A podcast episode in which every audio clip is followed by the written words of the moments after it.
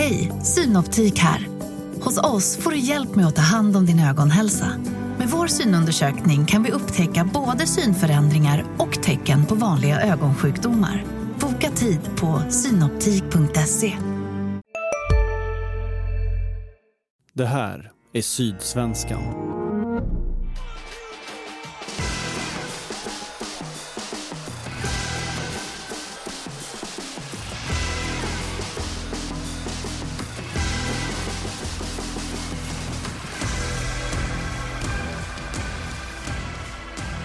Välkomna tillbaka till MFF-podden. Det här är avsnitt nummer 302. Jag heter Fredrik Hedenskog och jag har sällskap i studion av två personer. Den ena har aldrig gjort något hattrick på Påskbergsvallen. Det är min mångåriga kollega Max Wiman. Den andra däremot gjorde tre baljor mot Varberg och laddar nu för karriärens allra sista match. Eller matcher, kanske. Välkommen till MFF-podden, Ola Toivonen. Tack så mycket. Tackar. Eh, både vi och lyssnarna är ju nyfikna på att höra dina tankar om Malmö FF, både i nuet och i framtiden och till viss del även i, i dåtiden. Eh, och det ska vi återkomma till. Men med tanke på matchen mot Varberg och hur den såg ut och det som hände så måste den första frågan ändå vara, ska du verkligen lägga av nu? uh, nej, det kan man väl tycka är en dum idé. Uh, men uh, det är väl ett beslut som har, eh, som har växt fram och eh, som eh, innan matchen i alla fall kändes att man var väldigt bekväm med.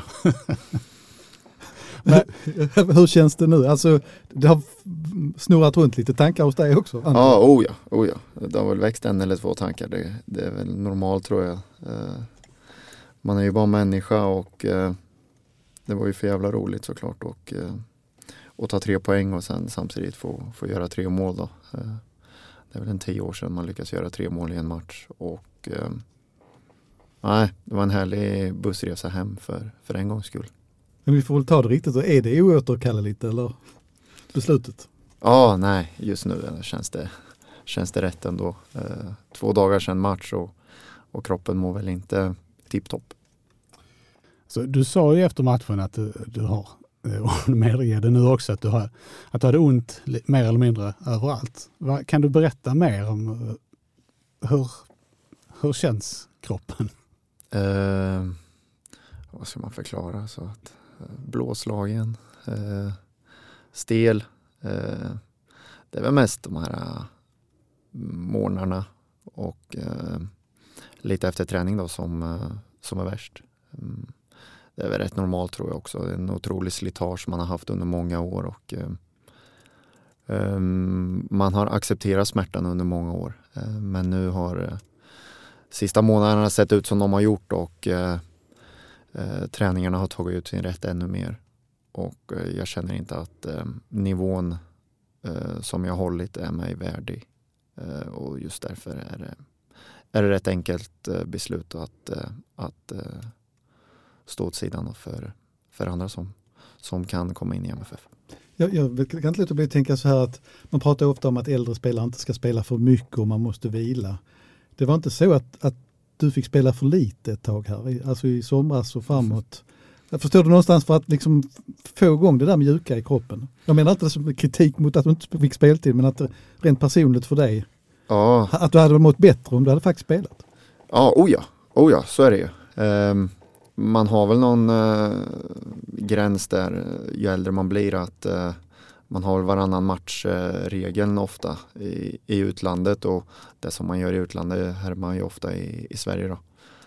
Um, jag vet inte, Radetinac tror jag kanske är ett bra exempel. Mm. Äldre och har väl det här varannan match-tänket. Um, men det har varit en speciell säsong, absolut. Um, man kom tillbaka med eller från en, eh, från en knäskada och eh, hade väl inte jättemycket förväntningar. Eh, jag tror inte någon hade det men det gick väl bättre än vad, vad man trodde från början och kände att jag höll en otroligt hög nivå när jag väl spelade.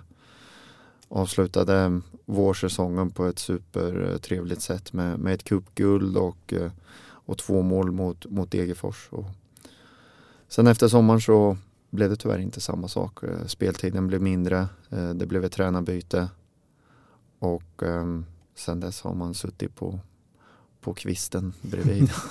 Men så, för att vara tydlig då, den minskade speltiden är inte på ditt initiativ så att säga. Det har inte med din kropp att göra. Nej, nej så är det ju. Så är det ju. Jag tyckte Milos eh, matchade mig eh, smart. Eh, jag och Milos eh, förstod varandra bra. Eh, det var väl någon match till och med han lämnade mig hemma för att vi hade varit på Island tror jag och konstgräsplanen hade gjort att knät hade, hade svullnat upp lite och han lämnade mig hemma mot Sundsvall. Um, skulle ju ha löst sig liksom. Normala matcher. Jag vet inte vad den statistiken var för, på den matchen men ni förstår nog vad jag menar. Ja, det är nog inte många som kommer ihåg den matchen. så, men sen så blev det som det blev och uh, som äldre så är det ju viktigt att, att få minuter ibland. Um, för om du får dem väldigt sällan då blir de väldigt jobbiga jämfört mot vad en 23-åring kanske, kanske har det. Vad är, vad är det som är det svåra då menar du? Ja, men tempot. Tempot framför allt. Eh, ju äldre man blir så reaktionsförmågan eh, är väl också lite sämre. Eh, men den touchen finns väl alltid kvar tror jag på något sätt. Inbillar jag mig i alla fall. Jag vet att nu är du i slutspurten och du är fortfarande aktiv så att säga. Men kan du säga något mer om, kände du besvikelse? Alltså, oh, ja, det, oh ja, absolut. absolut. Alltså, jag tycker alltid jag ska spela. I mitt huvud tycker jag att jag alltid är bäst. Och, eh, men eh, sen blev det en speciell situation med att Andreas kom in från, från sin sportchefsroll och, och tog ansvar för laget. Och som den eh, äldre killen man är i laget så vill man inte göra för mycket brus eller, eller scener liksom över varför man inte spelar utan försökte göra mitt från sidan och pusha grabbarna och, och komma in och, och hjälpa till liksom. Eh, men eh, inget av det funkade. Eh, jag tänker att det är ett intressant, ett intressant spår som vi ska återkomma till om en, om en liten stund. Men eh, om vi ändå uppehåller oss eh, lite tag här vid, vid själva beslutet då, liksom, fanns det, kan du minnas, fanns det något särskilt tillfälle där du kände att nu är det, nu har det gått för långt eller är det någonting som bara har vuxit fram liksom av sig själv? Mm, nej men jag tror att jag tog den efter, eh, var det Hammarby kanske, 0-0 under, under hösten här. Så sa jag att vi behöver inte tänka eller hålla på en förlängning utan jag tror att jag har bestämt mig.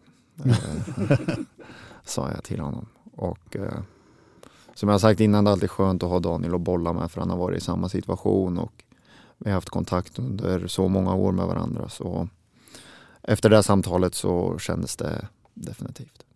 Var det något speciellt som gjorde att du bestämde dig då? Var det kroppen som sa ifrån eller var det mer besvikelsen i huvudet att du inte spelar så mycket? Eller? Nej, men det var väl, jag tror uh, Åge slängde in mig efter, uh, kan det ha varit 45 eller 60 och just de här uh, rörelsemönstret, touchen, tempot uh, mm. kände jag att uh, det här är inte vad det brukade vara för någon månad sedan. Och uh, då bestämde jag mig, eller jag tror, jag tror jag bestämde mig att nej, nu får det fan räcka. Alltså. Men det, ända sedan det allsvenska spelprogrammet kom eh, tidigt i våras så har du ju vetat att, att ni skulle avsluta säsongen hemma mot Degerfors. Eh, det är inte så att det liksom såddes ett frö redan, redan då? Jag tror jag sa tidigt på säsongen att vi måste ha säkra guldet innan Degerfors.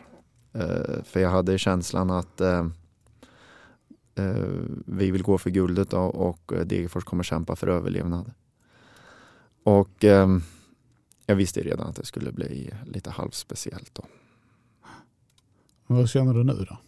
När den matchen är faktiskt bara är mm. några dagar bort. Nej men det är lurigt alltså.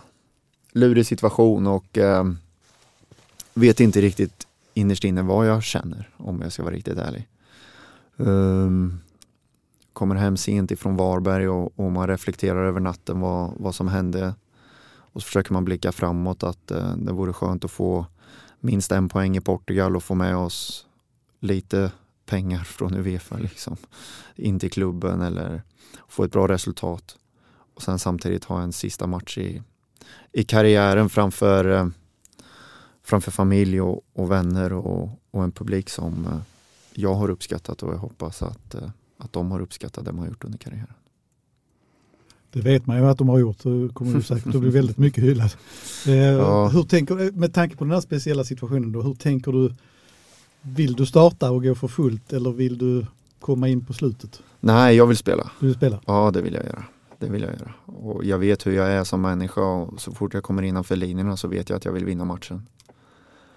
Um, så ja, jag vet inte vad mer jag ska säga. Nej men det är, ju, det är ju en speciell situation som du säger och det är inte heller så att, att Åge Hareid har, en, har ett oändligt antal spelare att, eh, att tillgå till de här matcherna som är kvar. Nej, nej, jag tror nog att Åge är en, en så pass klok och vis man så om jag säger att jag vill, eh, att jag vill starta i min eh, sista match i, i karriären så, så låter han mig göra det. Framförallt efter, efter tre mål i Varberg också. Jag skulle säga det vore konstigt annars. Han, precis som du säger så är han väl en väldigt lyhörd man. Jag tänker på det om man får studsa tillbaka till det, det här som hände så att säga. Förändrade situationen på något sätt när Åge kom in sen för dig igen? Eller tycker du? Eller? Mm, nej, inte speciellt. Jo, lite såklart. Han ville väl ha min erfarenhet med på planen. Eh, men samtidigt så tyckte Åge att han hade, att han hade bättre alternativ eh, eh framåt och det får man absolut respektera. Eh, ehm, men han ville absolut ha min, eh, min erfarenhet kände jag och, och, och personlighet och, och attityd och mer i, mer i omklädningsrummet. Och jag kan inte klaga på minuterna jag har fått under Roger sammanlagt. Eh, kan jag inte göra. Och, eh, sen kanske vi inte pratar så mycket Malmö FF, vi kanske mest pratar livet i, livet i sig. Han, han flyger ofta iväg i sina historier och eh, han, är en, han är en god man. han är en speciell, mycket speciell man. Ja, det är spännande är att du säger det, för det är ju så vi upplever det också. Ja, han... nej, han är fin och när han kör sina anekdoter där i om eh, Norge och, och, Danmark och Molde och allting så, så ler man. Var det lättare för dig att få igång en dialog med honom på något sätt? Liksom han som är så erfaren. Alltså, du, jo, absolut. absolut. Det blir inget, det blir inget tillknäppt och det blir ingen pinsam tystnad precis. Nej. Utan, eh, jag ställer frågor, han ställer frågor och vi är nyfikna på, på varandra och eh, situationer och incidenter under, under karriären.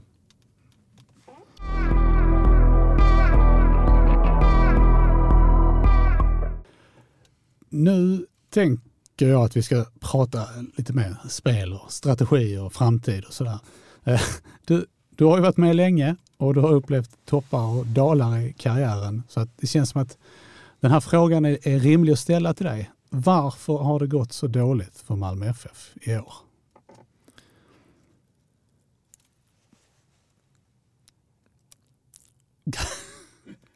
Ja men det är ju det, det, det är okay. jättemånga saker.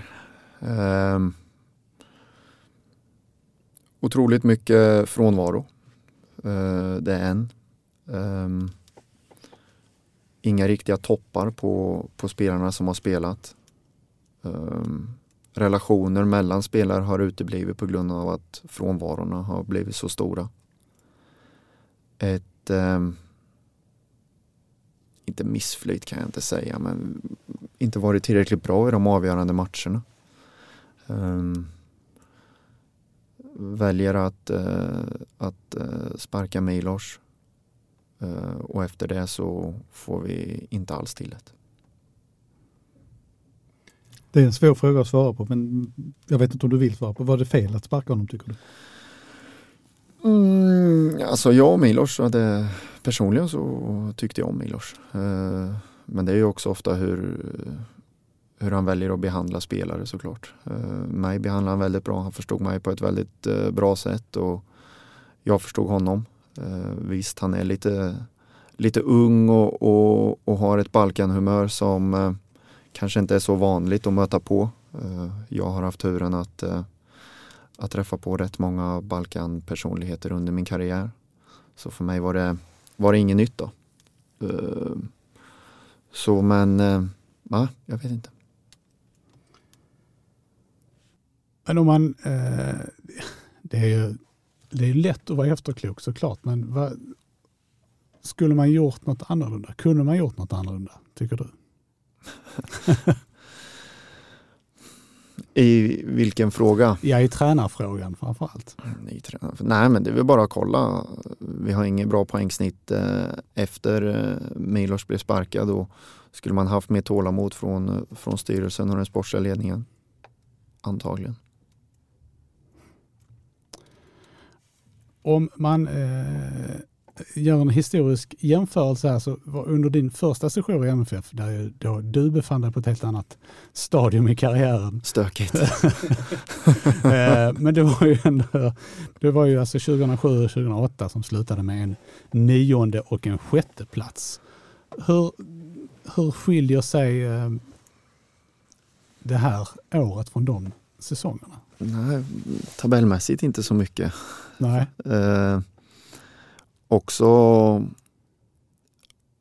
tror jag också lite frånvaror och, och så vidare men eh, inte tillräckligt bra. Alltså dumt att sitta och ljuga. Det är ingen som har varit tillräckligt bra.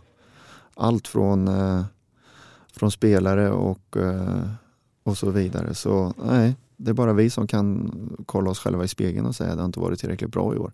Eh, det är väl en liten tröst att, att man får ett cupguld som man längtat efter i så många år och, eh, och kommer ändå in i Europa League för att eh, få lite pengar in till klubben som är, som är viktigt. Eh, men i allsvenskan har det inte varit bra. Jag tänker totalt sett din återkomst till Malmö FF, bortsett från knäskadan, måste ha gett rätt, ganska mycket glädje. Ja, absolut. absolut.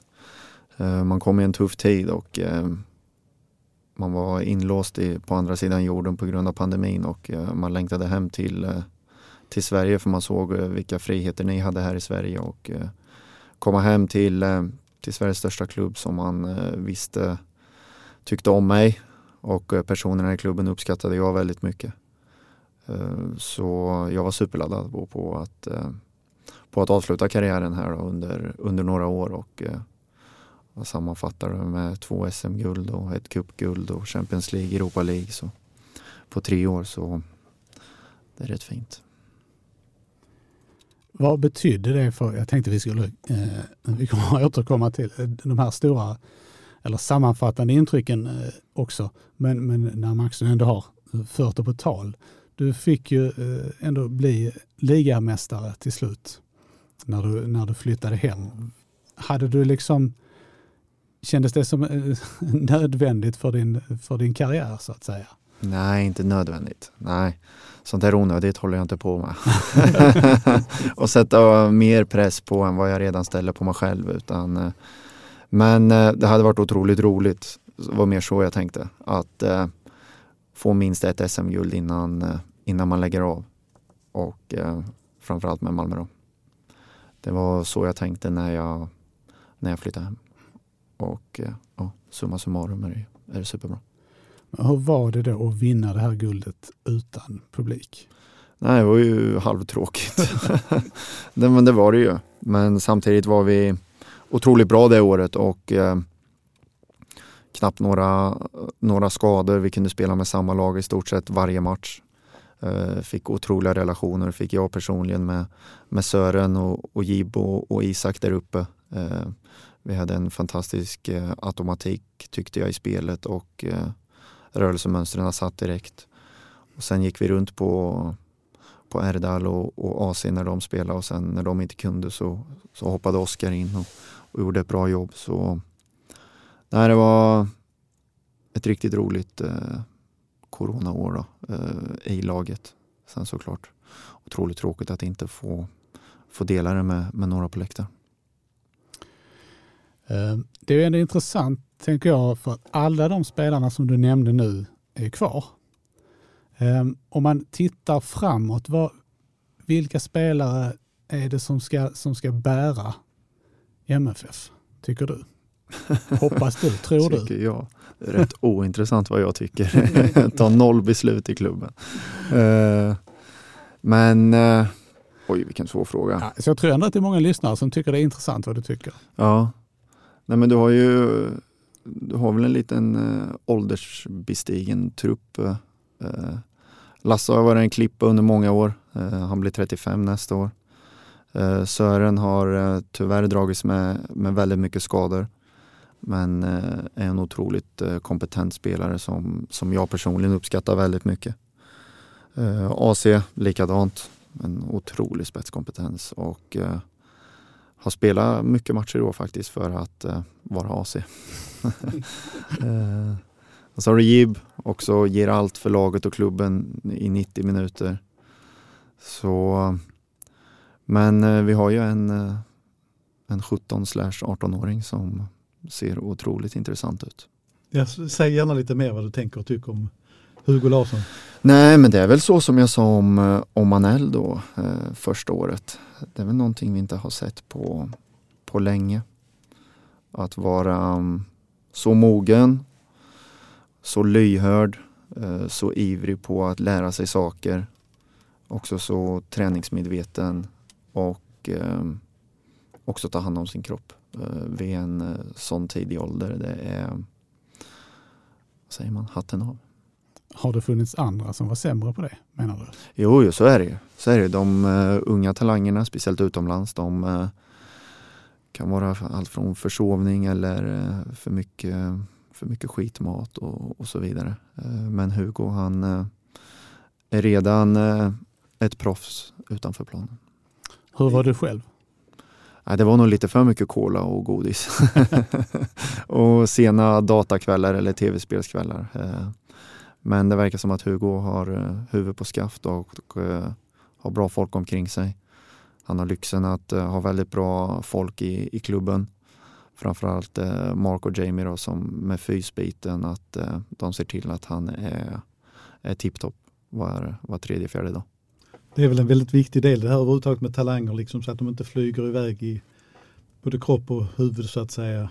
Oh ja, oh ja. det är väl både det har väl allt från föräldrar till agent eh, till kompisar att göra. Eh, och sen måste du också välja vilka kompisar du vill hänga med. Eh, det är otroligt viktigt. Eh, sen måste du vara väldigt vaksam vilken agent du, du väljer i en sån tidig ålder. Eh, eller om det är dina föräldrar som ska, ska sköta det. Det är roligt att du nämner det därför att jag tänkte faktiskt på dig själv. Visst, jag vet inte hur du har haft det nu, men då, visst hade du Martin Dahlin från mm. början. Mm. Och jag har alltid lärt känna honom som en som väl just månade om allting det här runt omkring och det var väldigt viktigt att hamna i rätt miljöer och sånt där. Ja, precis. Nej, men det var jättebra att ha Martin i, i ung ålder och jag kände väl direkt att eh, då tidigt i karriären att det kändes bra att ha en, en gammal spelare mm. som visste vad det handlade om. Och så lyckades vi, vi jobba några år tillsammans innan vi, innan vi skildes åt. Jag vet inte, men jag, jag drar alltid lite trådar här och där. men, eh, nej, men jag minns också, jag vet inte, kommer inte ihåg om vi pratade lite om detta förra gången, men när du kom hit så var du ganska ung och blyg.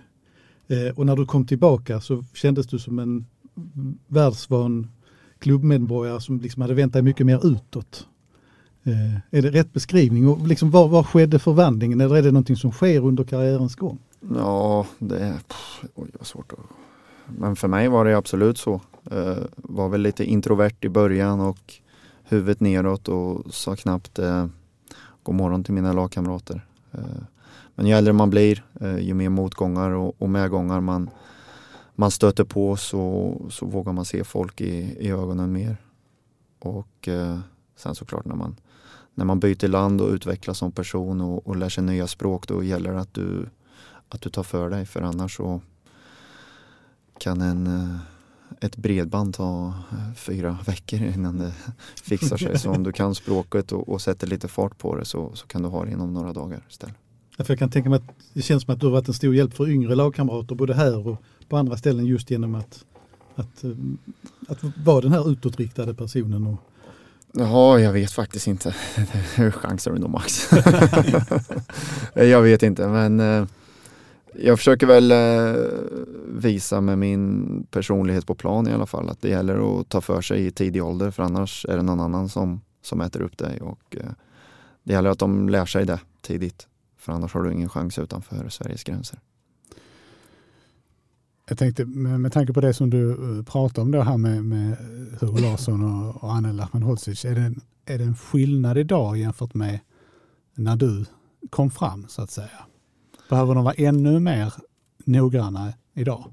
Ja, det tror jag. Det tror jag. För det är fler ungdomar som gör det på rätt sätt. Konkurrensen, inte på plan men eh, utanför plan. Eh, eller konkurrensen, men kunskapen har blivit så mycket större.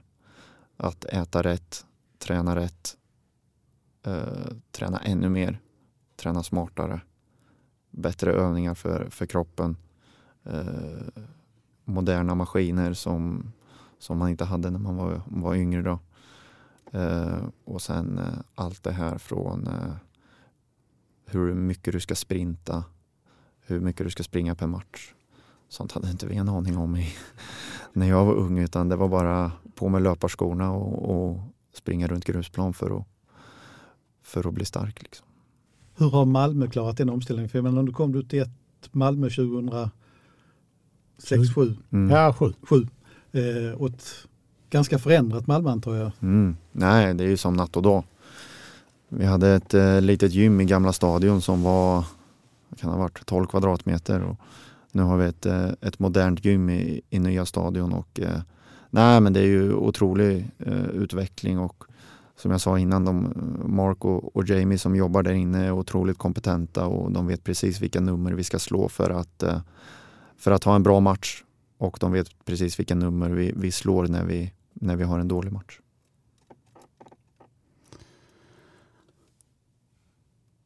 Eh, jag tänkte fråga, eftersom, du då, eftersom vi pratar om, om eh, fys och annat, alla de här skadorna som har varit i MFF den här säsongen, är det, eh, hur, hur hanterar man det liksom som grupp när det kommer så mycket? Nej, det blir tufft. Det blir tufft. Det var någon gång i våren där vi inte trodde att det var sant. Ja, alltså bortamatchen mot Djurgården eh, minns man ju. Eh, Ja, det var så. Då hade ni ju en hel startelva Ja, borta. ja. Nej, men nej, det var ju osannolikt. Eh, så man blir nästan uppgiven på det sättet att vad fan, det, det går ju inte. kan ju inte vinna SM-guld så här. Eh, Så man hoppas bara att de, eh, att de kommer tillbaka snabbt och att man, eh, man reder ut stormen eh, när man är där. Tyvärr så hade vi väl en Stockholmsvecka som var rätt eh, tuff då. Eh, Hammarby, AIK, Djurgården och jag tror det var sammanlagt en poäng. Va? Eh, men sen fortsatte Hej, Ulf Kristersson här. På många sätt är det en mörk tid vi lever i. Men nu tar vi ett stort steg för att göra Sverige till en tryggare och säkrare plats.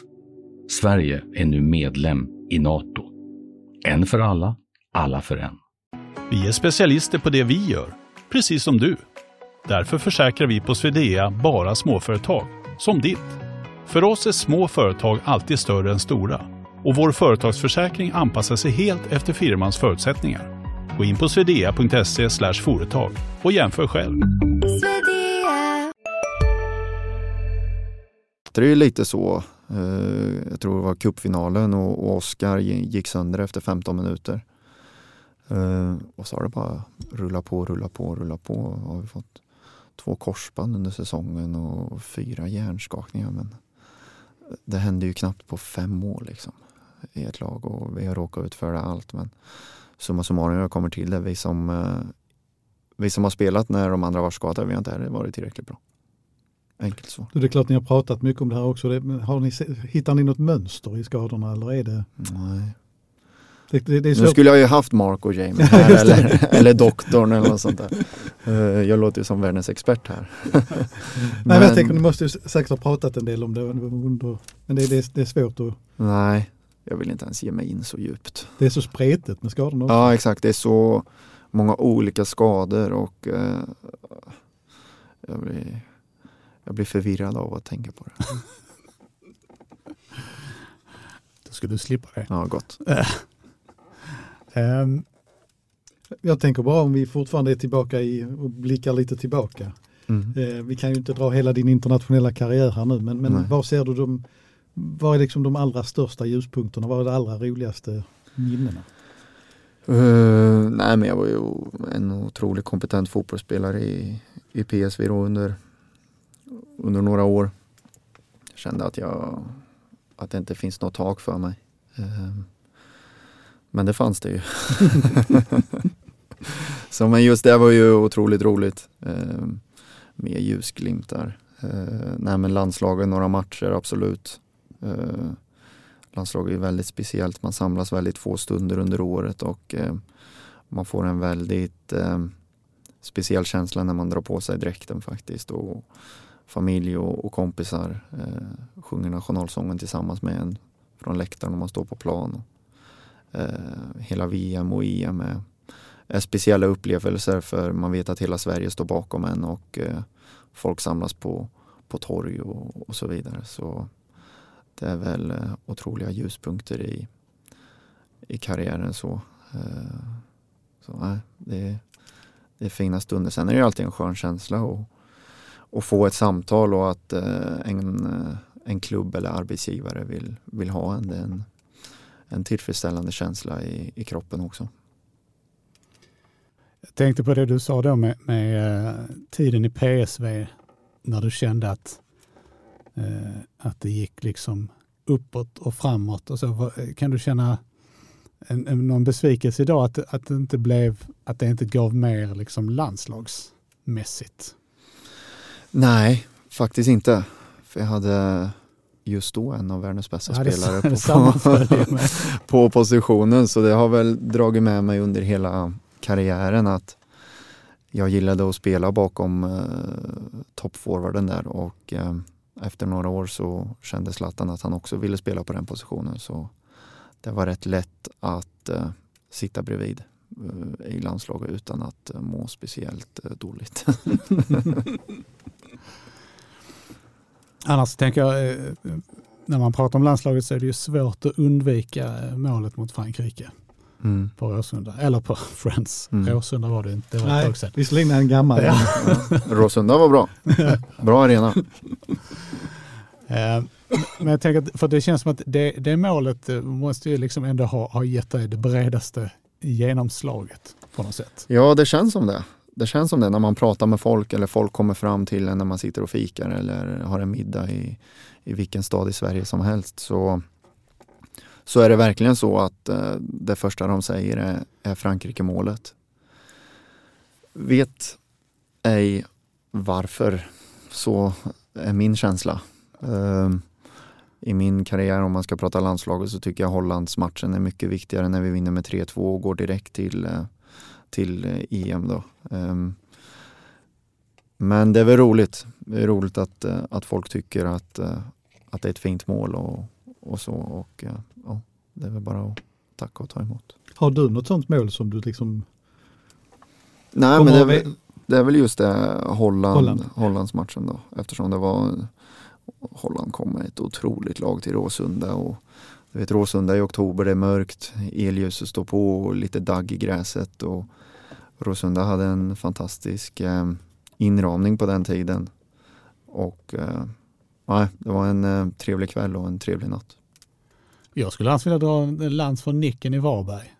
Det var, det var ett jädra fint mål alltså. Ja, ja, nej. Jag, jag måste, det var bra där för den övergången för att jag, jag, vi måste få prata om det här. Jag sa till Fredrik innan, jag sa det till dig innan vi började spela in Ola. Ja. Alltså, eh, jag satt och njöt i soffan av tre helt olika klassavslut. Och jag vet att jag sa till min hustru också, tänk om så många anfallare som kunde titta på Ola hur man gör mål.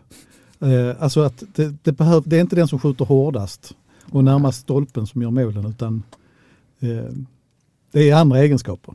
Jag vet inte, alltså. Ja, nej, men så är det väl. Så är det väl. Sen måste du ofta vara bekväm i situationerna du hamnar i och eh, om jag inte hade gjort eh, 1-0 och 2-0 då vet jag inte om jag hade gjort chippen till 3. Mm. Eh, så det är också sådana situationer. Men det är väl som jag sagt hela tiden. Jag har väl alltid tyckt att jag är en intelligent fotbollsspelare och har en fin touch med, med bollen. Och, eh, den nicken tillbaka inte meningen att det ska gå kryssribba in, det fattar väl vem som helst. Du får ju hålla historien. Ja, ja. Nej, men, det, det, men man har väl eh, nickat tillbaka några bollar åt, eh, åt uh, hållet bollen kom ifrån under sin karriär så, så själva rörelsemönstret och upphoppet den sitter väl i ryggmärgen om man säger så. Men sitter alltihopa i ryggmärgen, alla de här tre, eller hin- hinner du tänka vad, vad du ska göra? Ja, nej, ja, jag har väl alltid varit så när jag får ett läge så ser jag den liksom så här en- supersnabbt. Och Hur- hur så den ska, hur det ska gå till. Liksom. Eh, en målbild direkt. Musti får den, jag vet att ja, men jag kallar på den snett inåt bakåt här. Oj, den kom lite högt upp, ja, men jag tar med den med låret och så lägger jag in den. Men hå- håller du med med att eh, man ser, eh, nu tittar jag mest på Sverige naturligtvis, men att, att det är lite för, vad ska man säga, inte obalanserat, men det är lite för chansartade avslut. Alltså det finns, jag saknar lite den här tanken bakom eh, mycket i svensk fotboll. Fan, vi ska... Du och jag Max. Nej men absolut, det är väl någonting man, man pratar lite med om i laget. Att, att eh, framförallt det här tycker jag när vi, när vi tränar på avslut att vi kanske lojar lite för mycket. Eh, När du väl gör avsluten, se till att det går i matchtempo. Se till att du får in automatiken i din kropp och, och eh, hellre att du blir superbra med att skjuta hårda bredsidor in i mål än att du blir halvt eh, bra på det och så är du halvt bra på att skjuta vrist. Jag kan knappt skjuta med vristen. Jag vet inte knappt hur man gör. För jag använder på mest bara min, min bredsida. Jaha, det blev tyst. Ja, nu blir det tyst. Ja. Ja, men det, Det är så mycket att fundera på. Men jag, jag, jag, tycker, jag, vet, jag tycker det här har varit ett problem som har vuxit på senare år faktiskt. Att, att det har varit, eh, Ja. eh, man tänker liksom när man ser spelarna, även om man inte spelar fotboll själv, att man liksom, herregud vad tänker du på människa? Men du såg ju när, eh, när Isak eh, kom fram då i, i Gnaget då. Du kunde ju se då redan då att oj, han har, en, Han touch. Han har touch. Sådana gillar jag. Men det finns ju samtidigt så finns det ju, det finns ju andra typer som, som är bra på att göra mål också som kanske inte nödvändigtvis har, har touchen utan har Mm. något annat. Sådana ska uppskattas. Mm. Men, men vad är det som... Finns det något gemensamt här då eh, för alla som, som vet hur man gör mål? Ja, det är en bra fråga. Det är en otroligt bra fråga. Jag tror den här hungern du vet. Hungern, desperationen att, att jag, ska göra, jag ska göra målet. Aldrig vara nöjd. Alltid tro på sig själv också såklart. Och alltid hoppas och, och leta att läget kommer. Jag tror vi kan ta Colak, jag vet inte hur många skott han hade förra året. Eller, jag tror han sköt mest i allsvenskan och till slut så så går det ju in. Eh, inte världens största spelare i, på planen. Eh, ingen stor eh, fotbollskunskap så men mål kunde den jäveln göra. Det är en rätt viktig egenskap i det här spelet. absolut, absolut. Avgöra matcher och, och om man inte har den tron på sig själv heller då, då gör han inte två mål uppe i Glasgow och, och fixar så att vi har en helt avgörande match nästa vecka mot, mot Ludogorets. Liksom. Så hatten av till sådana spelare också.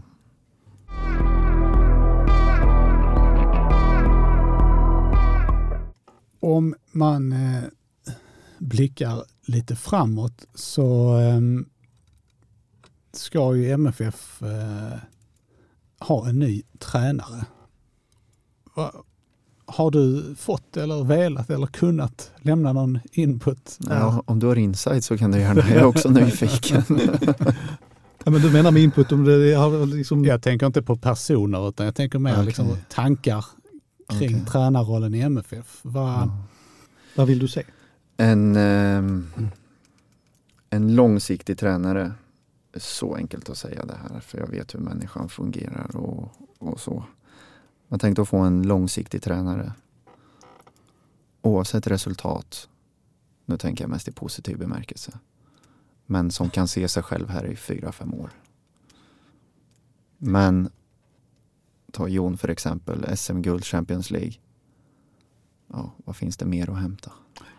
Ja, det var rätt Ja, givet det- Nej men det är det som är problemet. Alltså det är ju det vi har diskuterat jättemånga gånger att antingen så, så, så är Malmö FF, antingen så blir Malmö FF för litet för tränaren eller så är eh, tränaren för liten för Malmö FF. Mm. Det är ofta där det slutar efter ett par år. Mm. Man får ju gå tillbaka till Tom Prahl egentligen för att hitta någon som var, som var här så Riktigt. Så länge, om man nu tycker att fyra år är Roland länge. Nilsson. Ja, men var det fyra år Ja, jag tror att han var fem år. Fem år fyra, ja, fyra år var det. Men, men det är ju där, men hur ska, hur ska MFF hamna där då? Ja. Måste man ha tålamod och- och ta ett- något mellanår? Inte ett mellanår som det här som liksom där förväntningarna är så höga. Men Men jag tror det vad ska man säga? Jag tror det är otroligt mycket eh, bara upp till klubben och bestämma att, att eh, nu kör vi på den här vägen och vi försöker ha den här tränaren så länge som möjligt. Eh, övertyga honom med mer visioner, mer visioner. Eh, bygga upp klubben ännu mer och visa tränaren att eh, det kommer bli bra. Eh, jag har ju en dröm om att se Malmö FF ha en egen träningsanläggning någonstans ute, utanför centrum.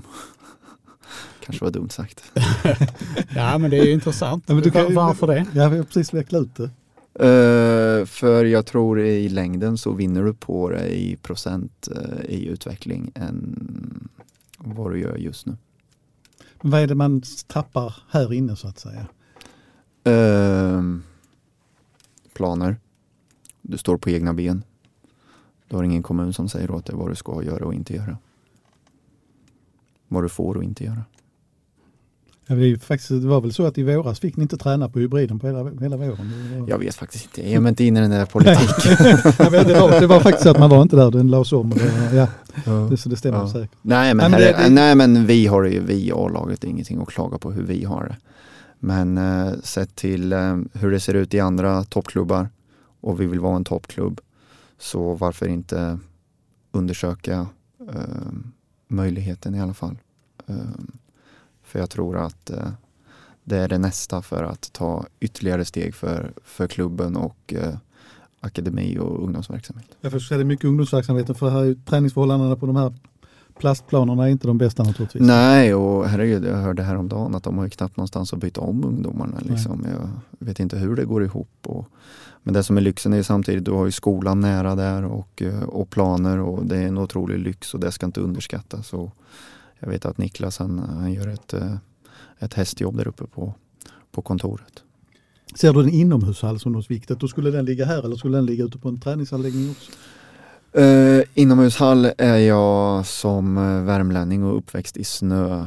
eh, inte så jättesugen på här nere i söder. Vi har ju inga vintrar längre heller, så det är inte så. Snö, eh, absolut, då ska du ha en inom, inomhushall. Eh, men det finns ju knappt snö i Degerfors eh, nu på vintern. Så här nere i söder tycker jag det räcker med, med bra konstgräsplaner faktiskt. Eh, Men finns det något, finns det något värde i, i att ha träningen så som den är nu med så att säga, tillgänglighet för, för supportrar? Uh, ja, absolut. Uh, vi har ju dock inte så mycket supportrar. Det är ju mest de här uh, gamla gubbarna som går dit och dricker någon kaffe och snackar lite skit. Jag skulle vilja ha lyxen att, att stänga till träningarna ännu mer. Skydda in hybriden lite om det går. För vem som helst kan ju ställa sig på parkeringsgaraget där och titta vad vi bedriver för, för slags träning. För vi vill ju inte vara inne på Ileda och, och slita ner den. Um, om det är svaret på din fråga. Ja, Ja, men det det, ger ju, ja, förlåt Max, jag ska bara, det, för det ger ju en, eh, upphov till en intressant eh, följdfråga då. Men är det, är det så det går till? Upplever du att det står folk och, eh, och följer era träningar? Ja, några gånger har jag absolut sett dem. Jon var ju lite halvmanisk med det där. Om det var någon som filmade när vi gjorde någonting så sprang jag gärna dit och jag tror du också har sett det Max. Och sa kanske till var att, Max. eh, ja, jag, vet, jag, jag skrattar därför att allra första träningen på träningslägret så råkade vi snegla på någon, någon ri- ritning här. Första Ah, okej. året han var här och han kom farande som ett skott. Okej. Att, Ja. eh, Nej men han, eh, han hade koll på läget.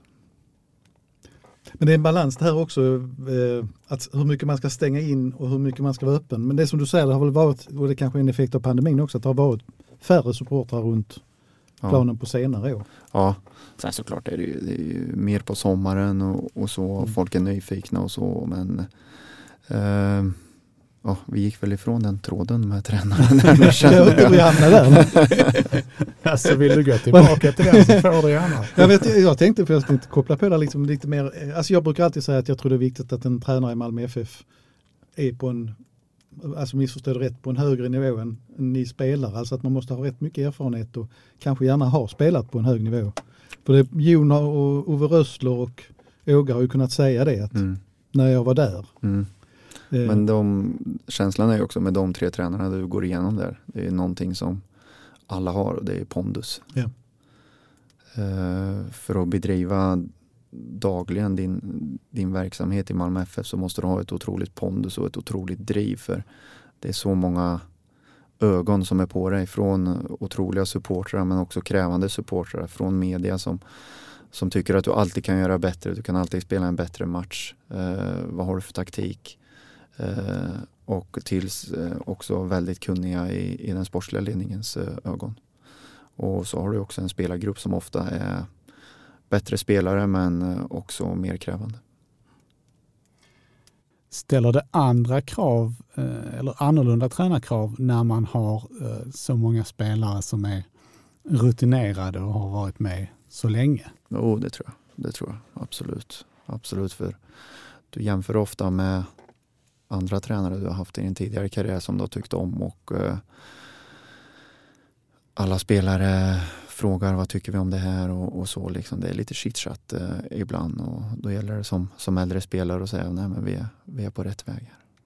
Vem är den bästa tränaren du har haft? Alltså som du skulle kunna lyfta som en Ja, men det finns många exempel men jag har alltid lyft Fred Rutten tyckte jag var en otrolig tränare, en, en holländare som eh, hade ett bra tränarteam bakom sig med, med Ten Hag som är i United nu och, och förra storspelaren Coquy som eh, det var en enhet som eh, fungerade väldigt bra och eh, det ska man inte heller underskatta. En väldigt bra staff är, är otroligt givande för, för alla spelare i truppen.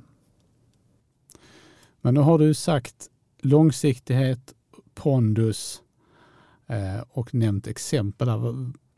Vad- Vad, är det, om man tittar då på, om man liksom försöker överföra det här till Malmö, var, alltså var hamnar man då i tränarjakten? Återigen utan nämna namn. namn? Ja, jag vet inte vart man hamnar. Man hamnar väl på någon bra, ett bra namn och så, och så får de väl känna om det är rätt eller inte. Jag har, Men bör det vara en erfaren eller vågar man chansa på någon ung talang? Nej, det vet jag inte heller faktiskt. Ja, för det är, Ma- Malmö har ju lyckats med båda varianterna faktiskt. Ja, det är så. Ja, alltså om vi går långt tillbaka i historien så tog man ju hit Bob Houghton som 23-åring höll jag på att säga. Han- Okej. Satan. Max. Du kör din historia har varit, här. med, har varit med länge Max. Ja. Eh, Men jag vet faktiskt inte. Och eh, jag är rätt, eh, rätt skönt att jag fortfarande är spelare faktiskt. Men får man glida in på det lite grann då, att, när vi ändå är där liksom. Har- Du är ju spelare till och med Ja. helgen här. ja. Eller 31 december. Ja okej då, du har Ja. kontrakt så länge. Ja. Ja. och det, kan, det finns någon träningsmatch inplanerad fast jag vet Ja. inte om du... Jag spelar inte den. Du spelar inte, kan bekräfta det. Ni behöver inte spekulera. Nej men lite grann, vad, vad händer sen? Blir, för blir du skåning? Kan du tänka dig något fotbollsjobb? Vill Ja, du vara kvar nej, i Malmö FF? Nej, vi blir eh, skåningar. Eh, yngsta sonen börjar eh, redan bryta. Eh, så det blir eh, Skåne för oss. Eh, vi trivs här nere. Vad jag ska göra sen vet inte. Träffade en, en gammal tränare här nu här om veckan som tyckte att jag skulle skriva in mig på, på tränarkurs efter och det ska jag nog göra för att om jag inte har någonting att göra så kan jag lika gärna gå den kursen. Döda lite tid. Men jag tror det är viktigt också att eh, hitta mig själv och, och fundera på vad jag verkligen vill.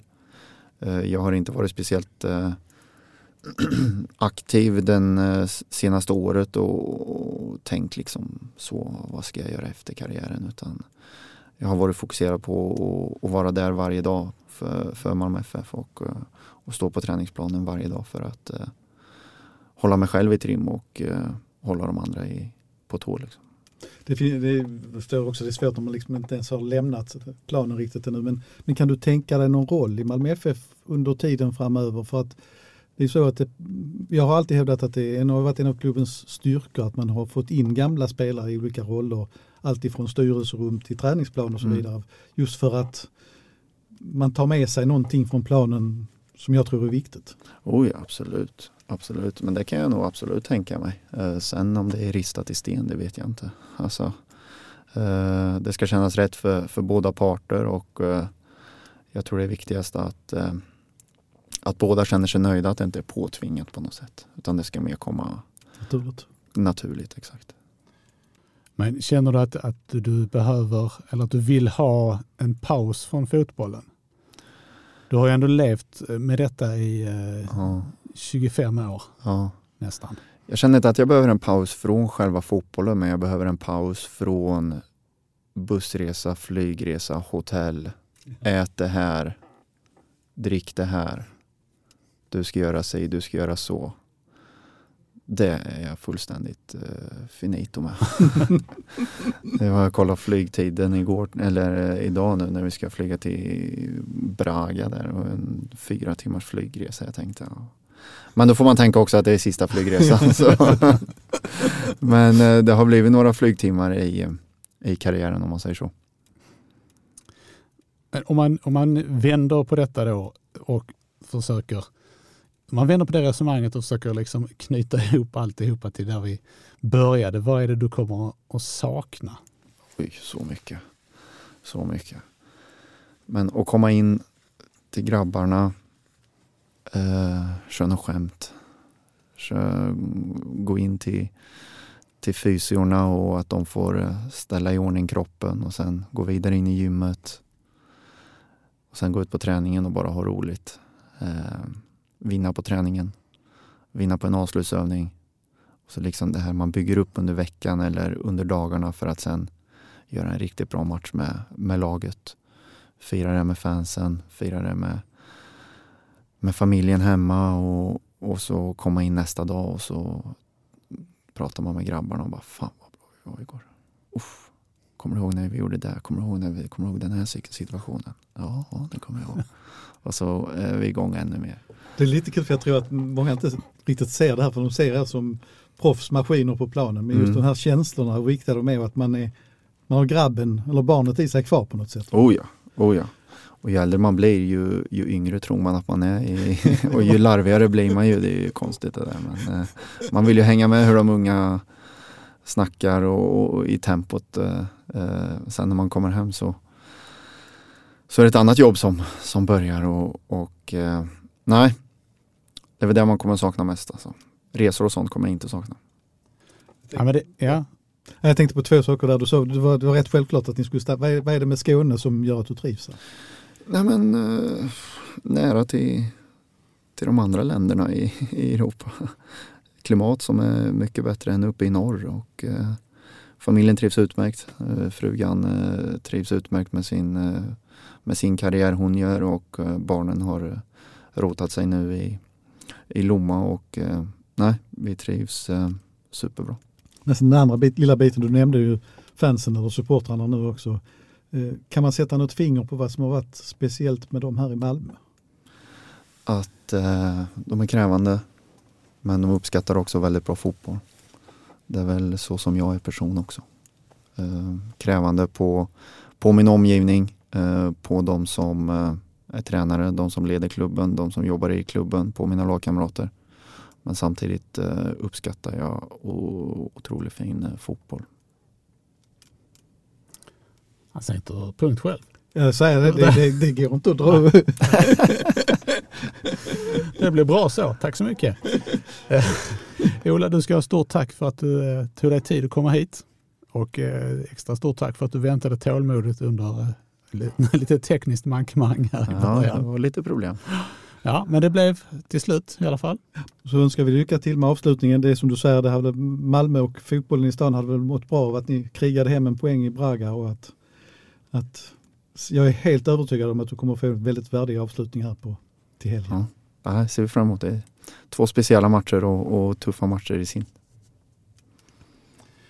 Det här har varit avsnitt nummer 302 av MFF-podden där vi anser att konstgräs ska förbjudas i svensk elitfotboll. Jag heter Fredrik Hedenskog. Jag har haft sällskap av Max Wiman och Ola Toivonen och ansvarig utgivare är Jonas Kanje. Hej Tack. hej! Tack för oss. Hej hej! Hej.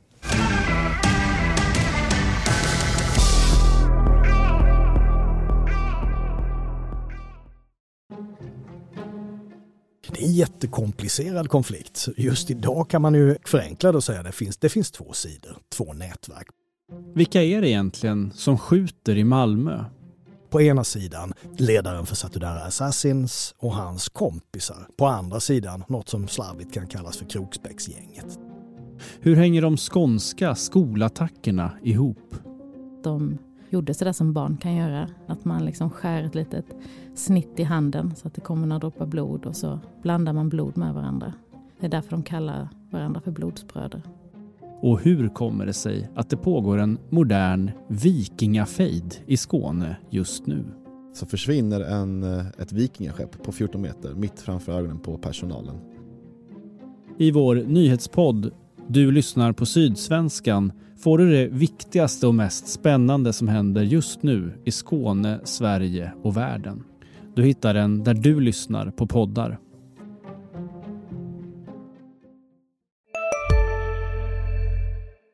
Hej, Susanne Axel här. När du gör som jag och listar dig på en av Krys vårdcentraler får du en fast läkarkontakt som kan din sjukdomshistoria.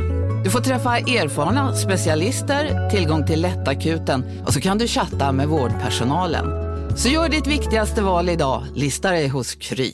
Välkommen till Maccafé på utvalda McDonalds restauranger med Baristakaffe till rimligt pris. Vad sägs om en latte eller cappuccino för bara 35 kronor? Alltid gjorda av våra utbildade baristor.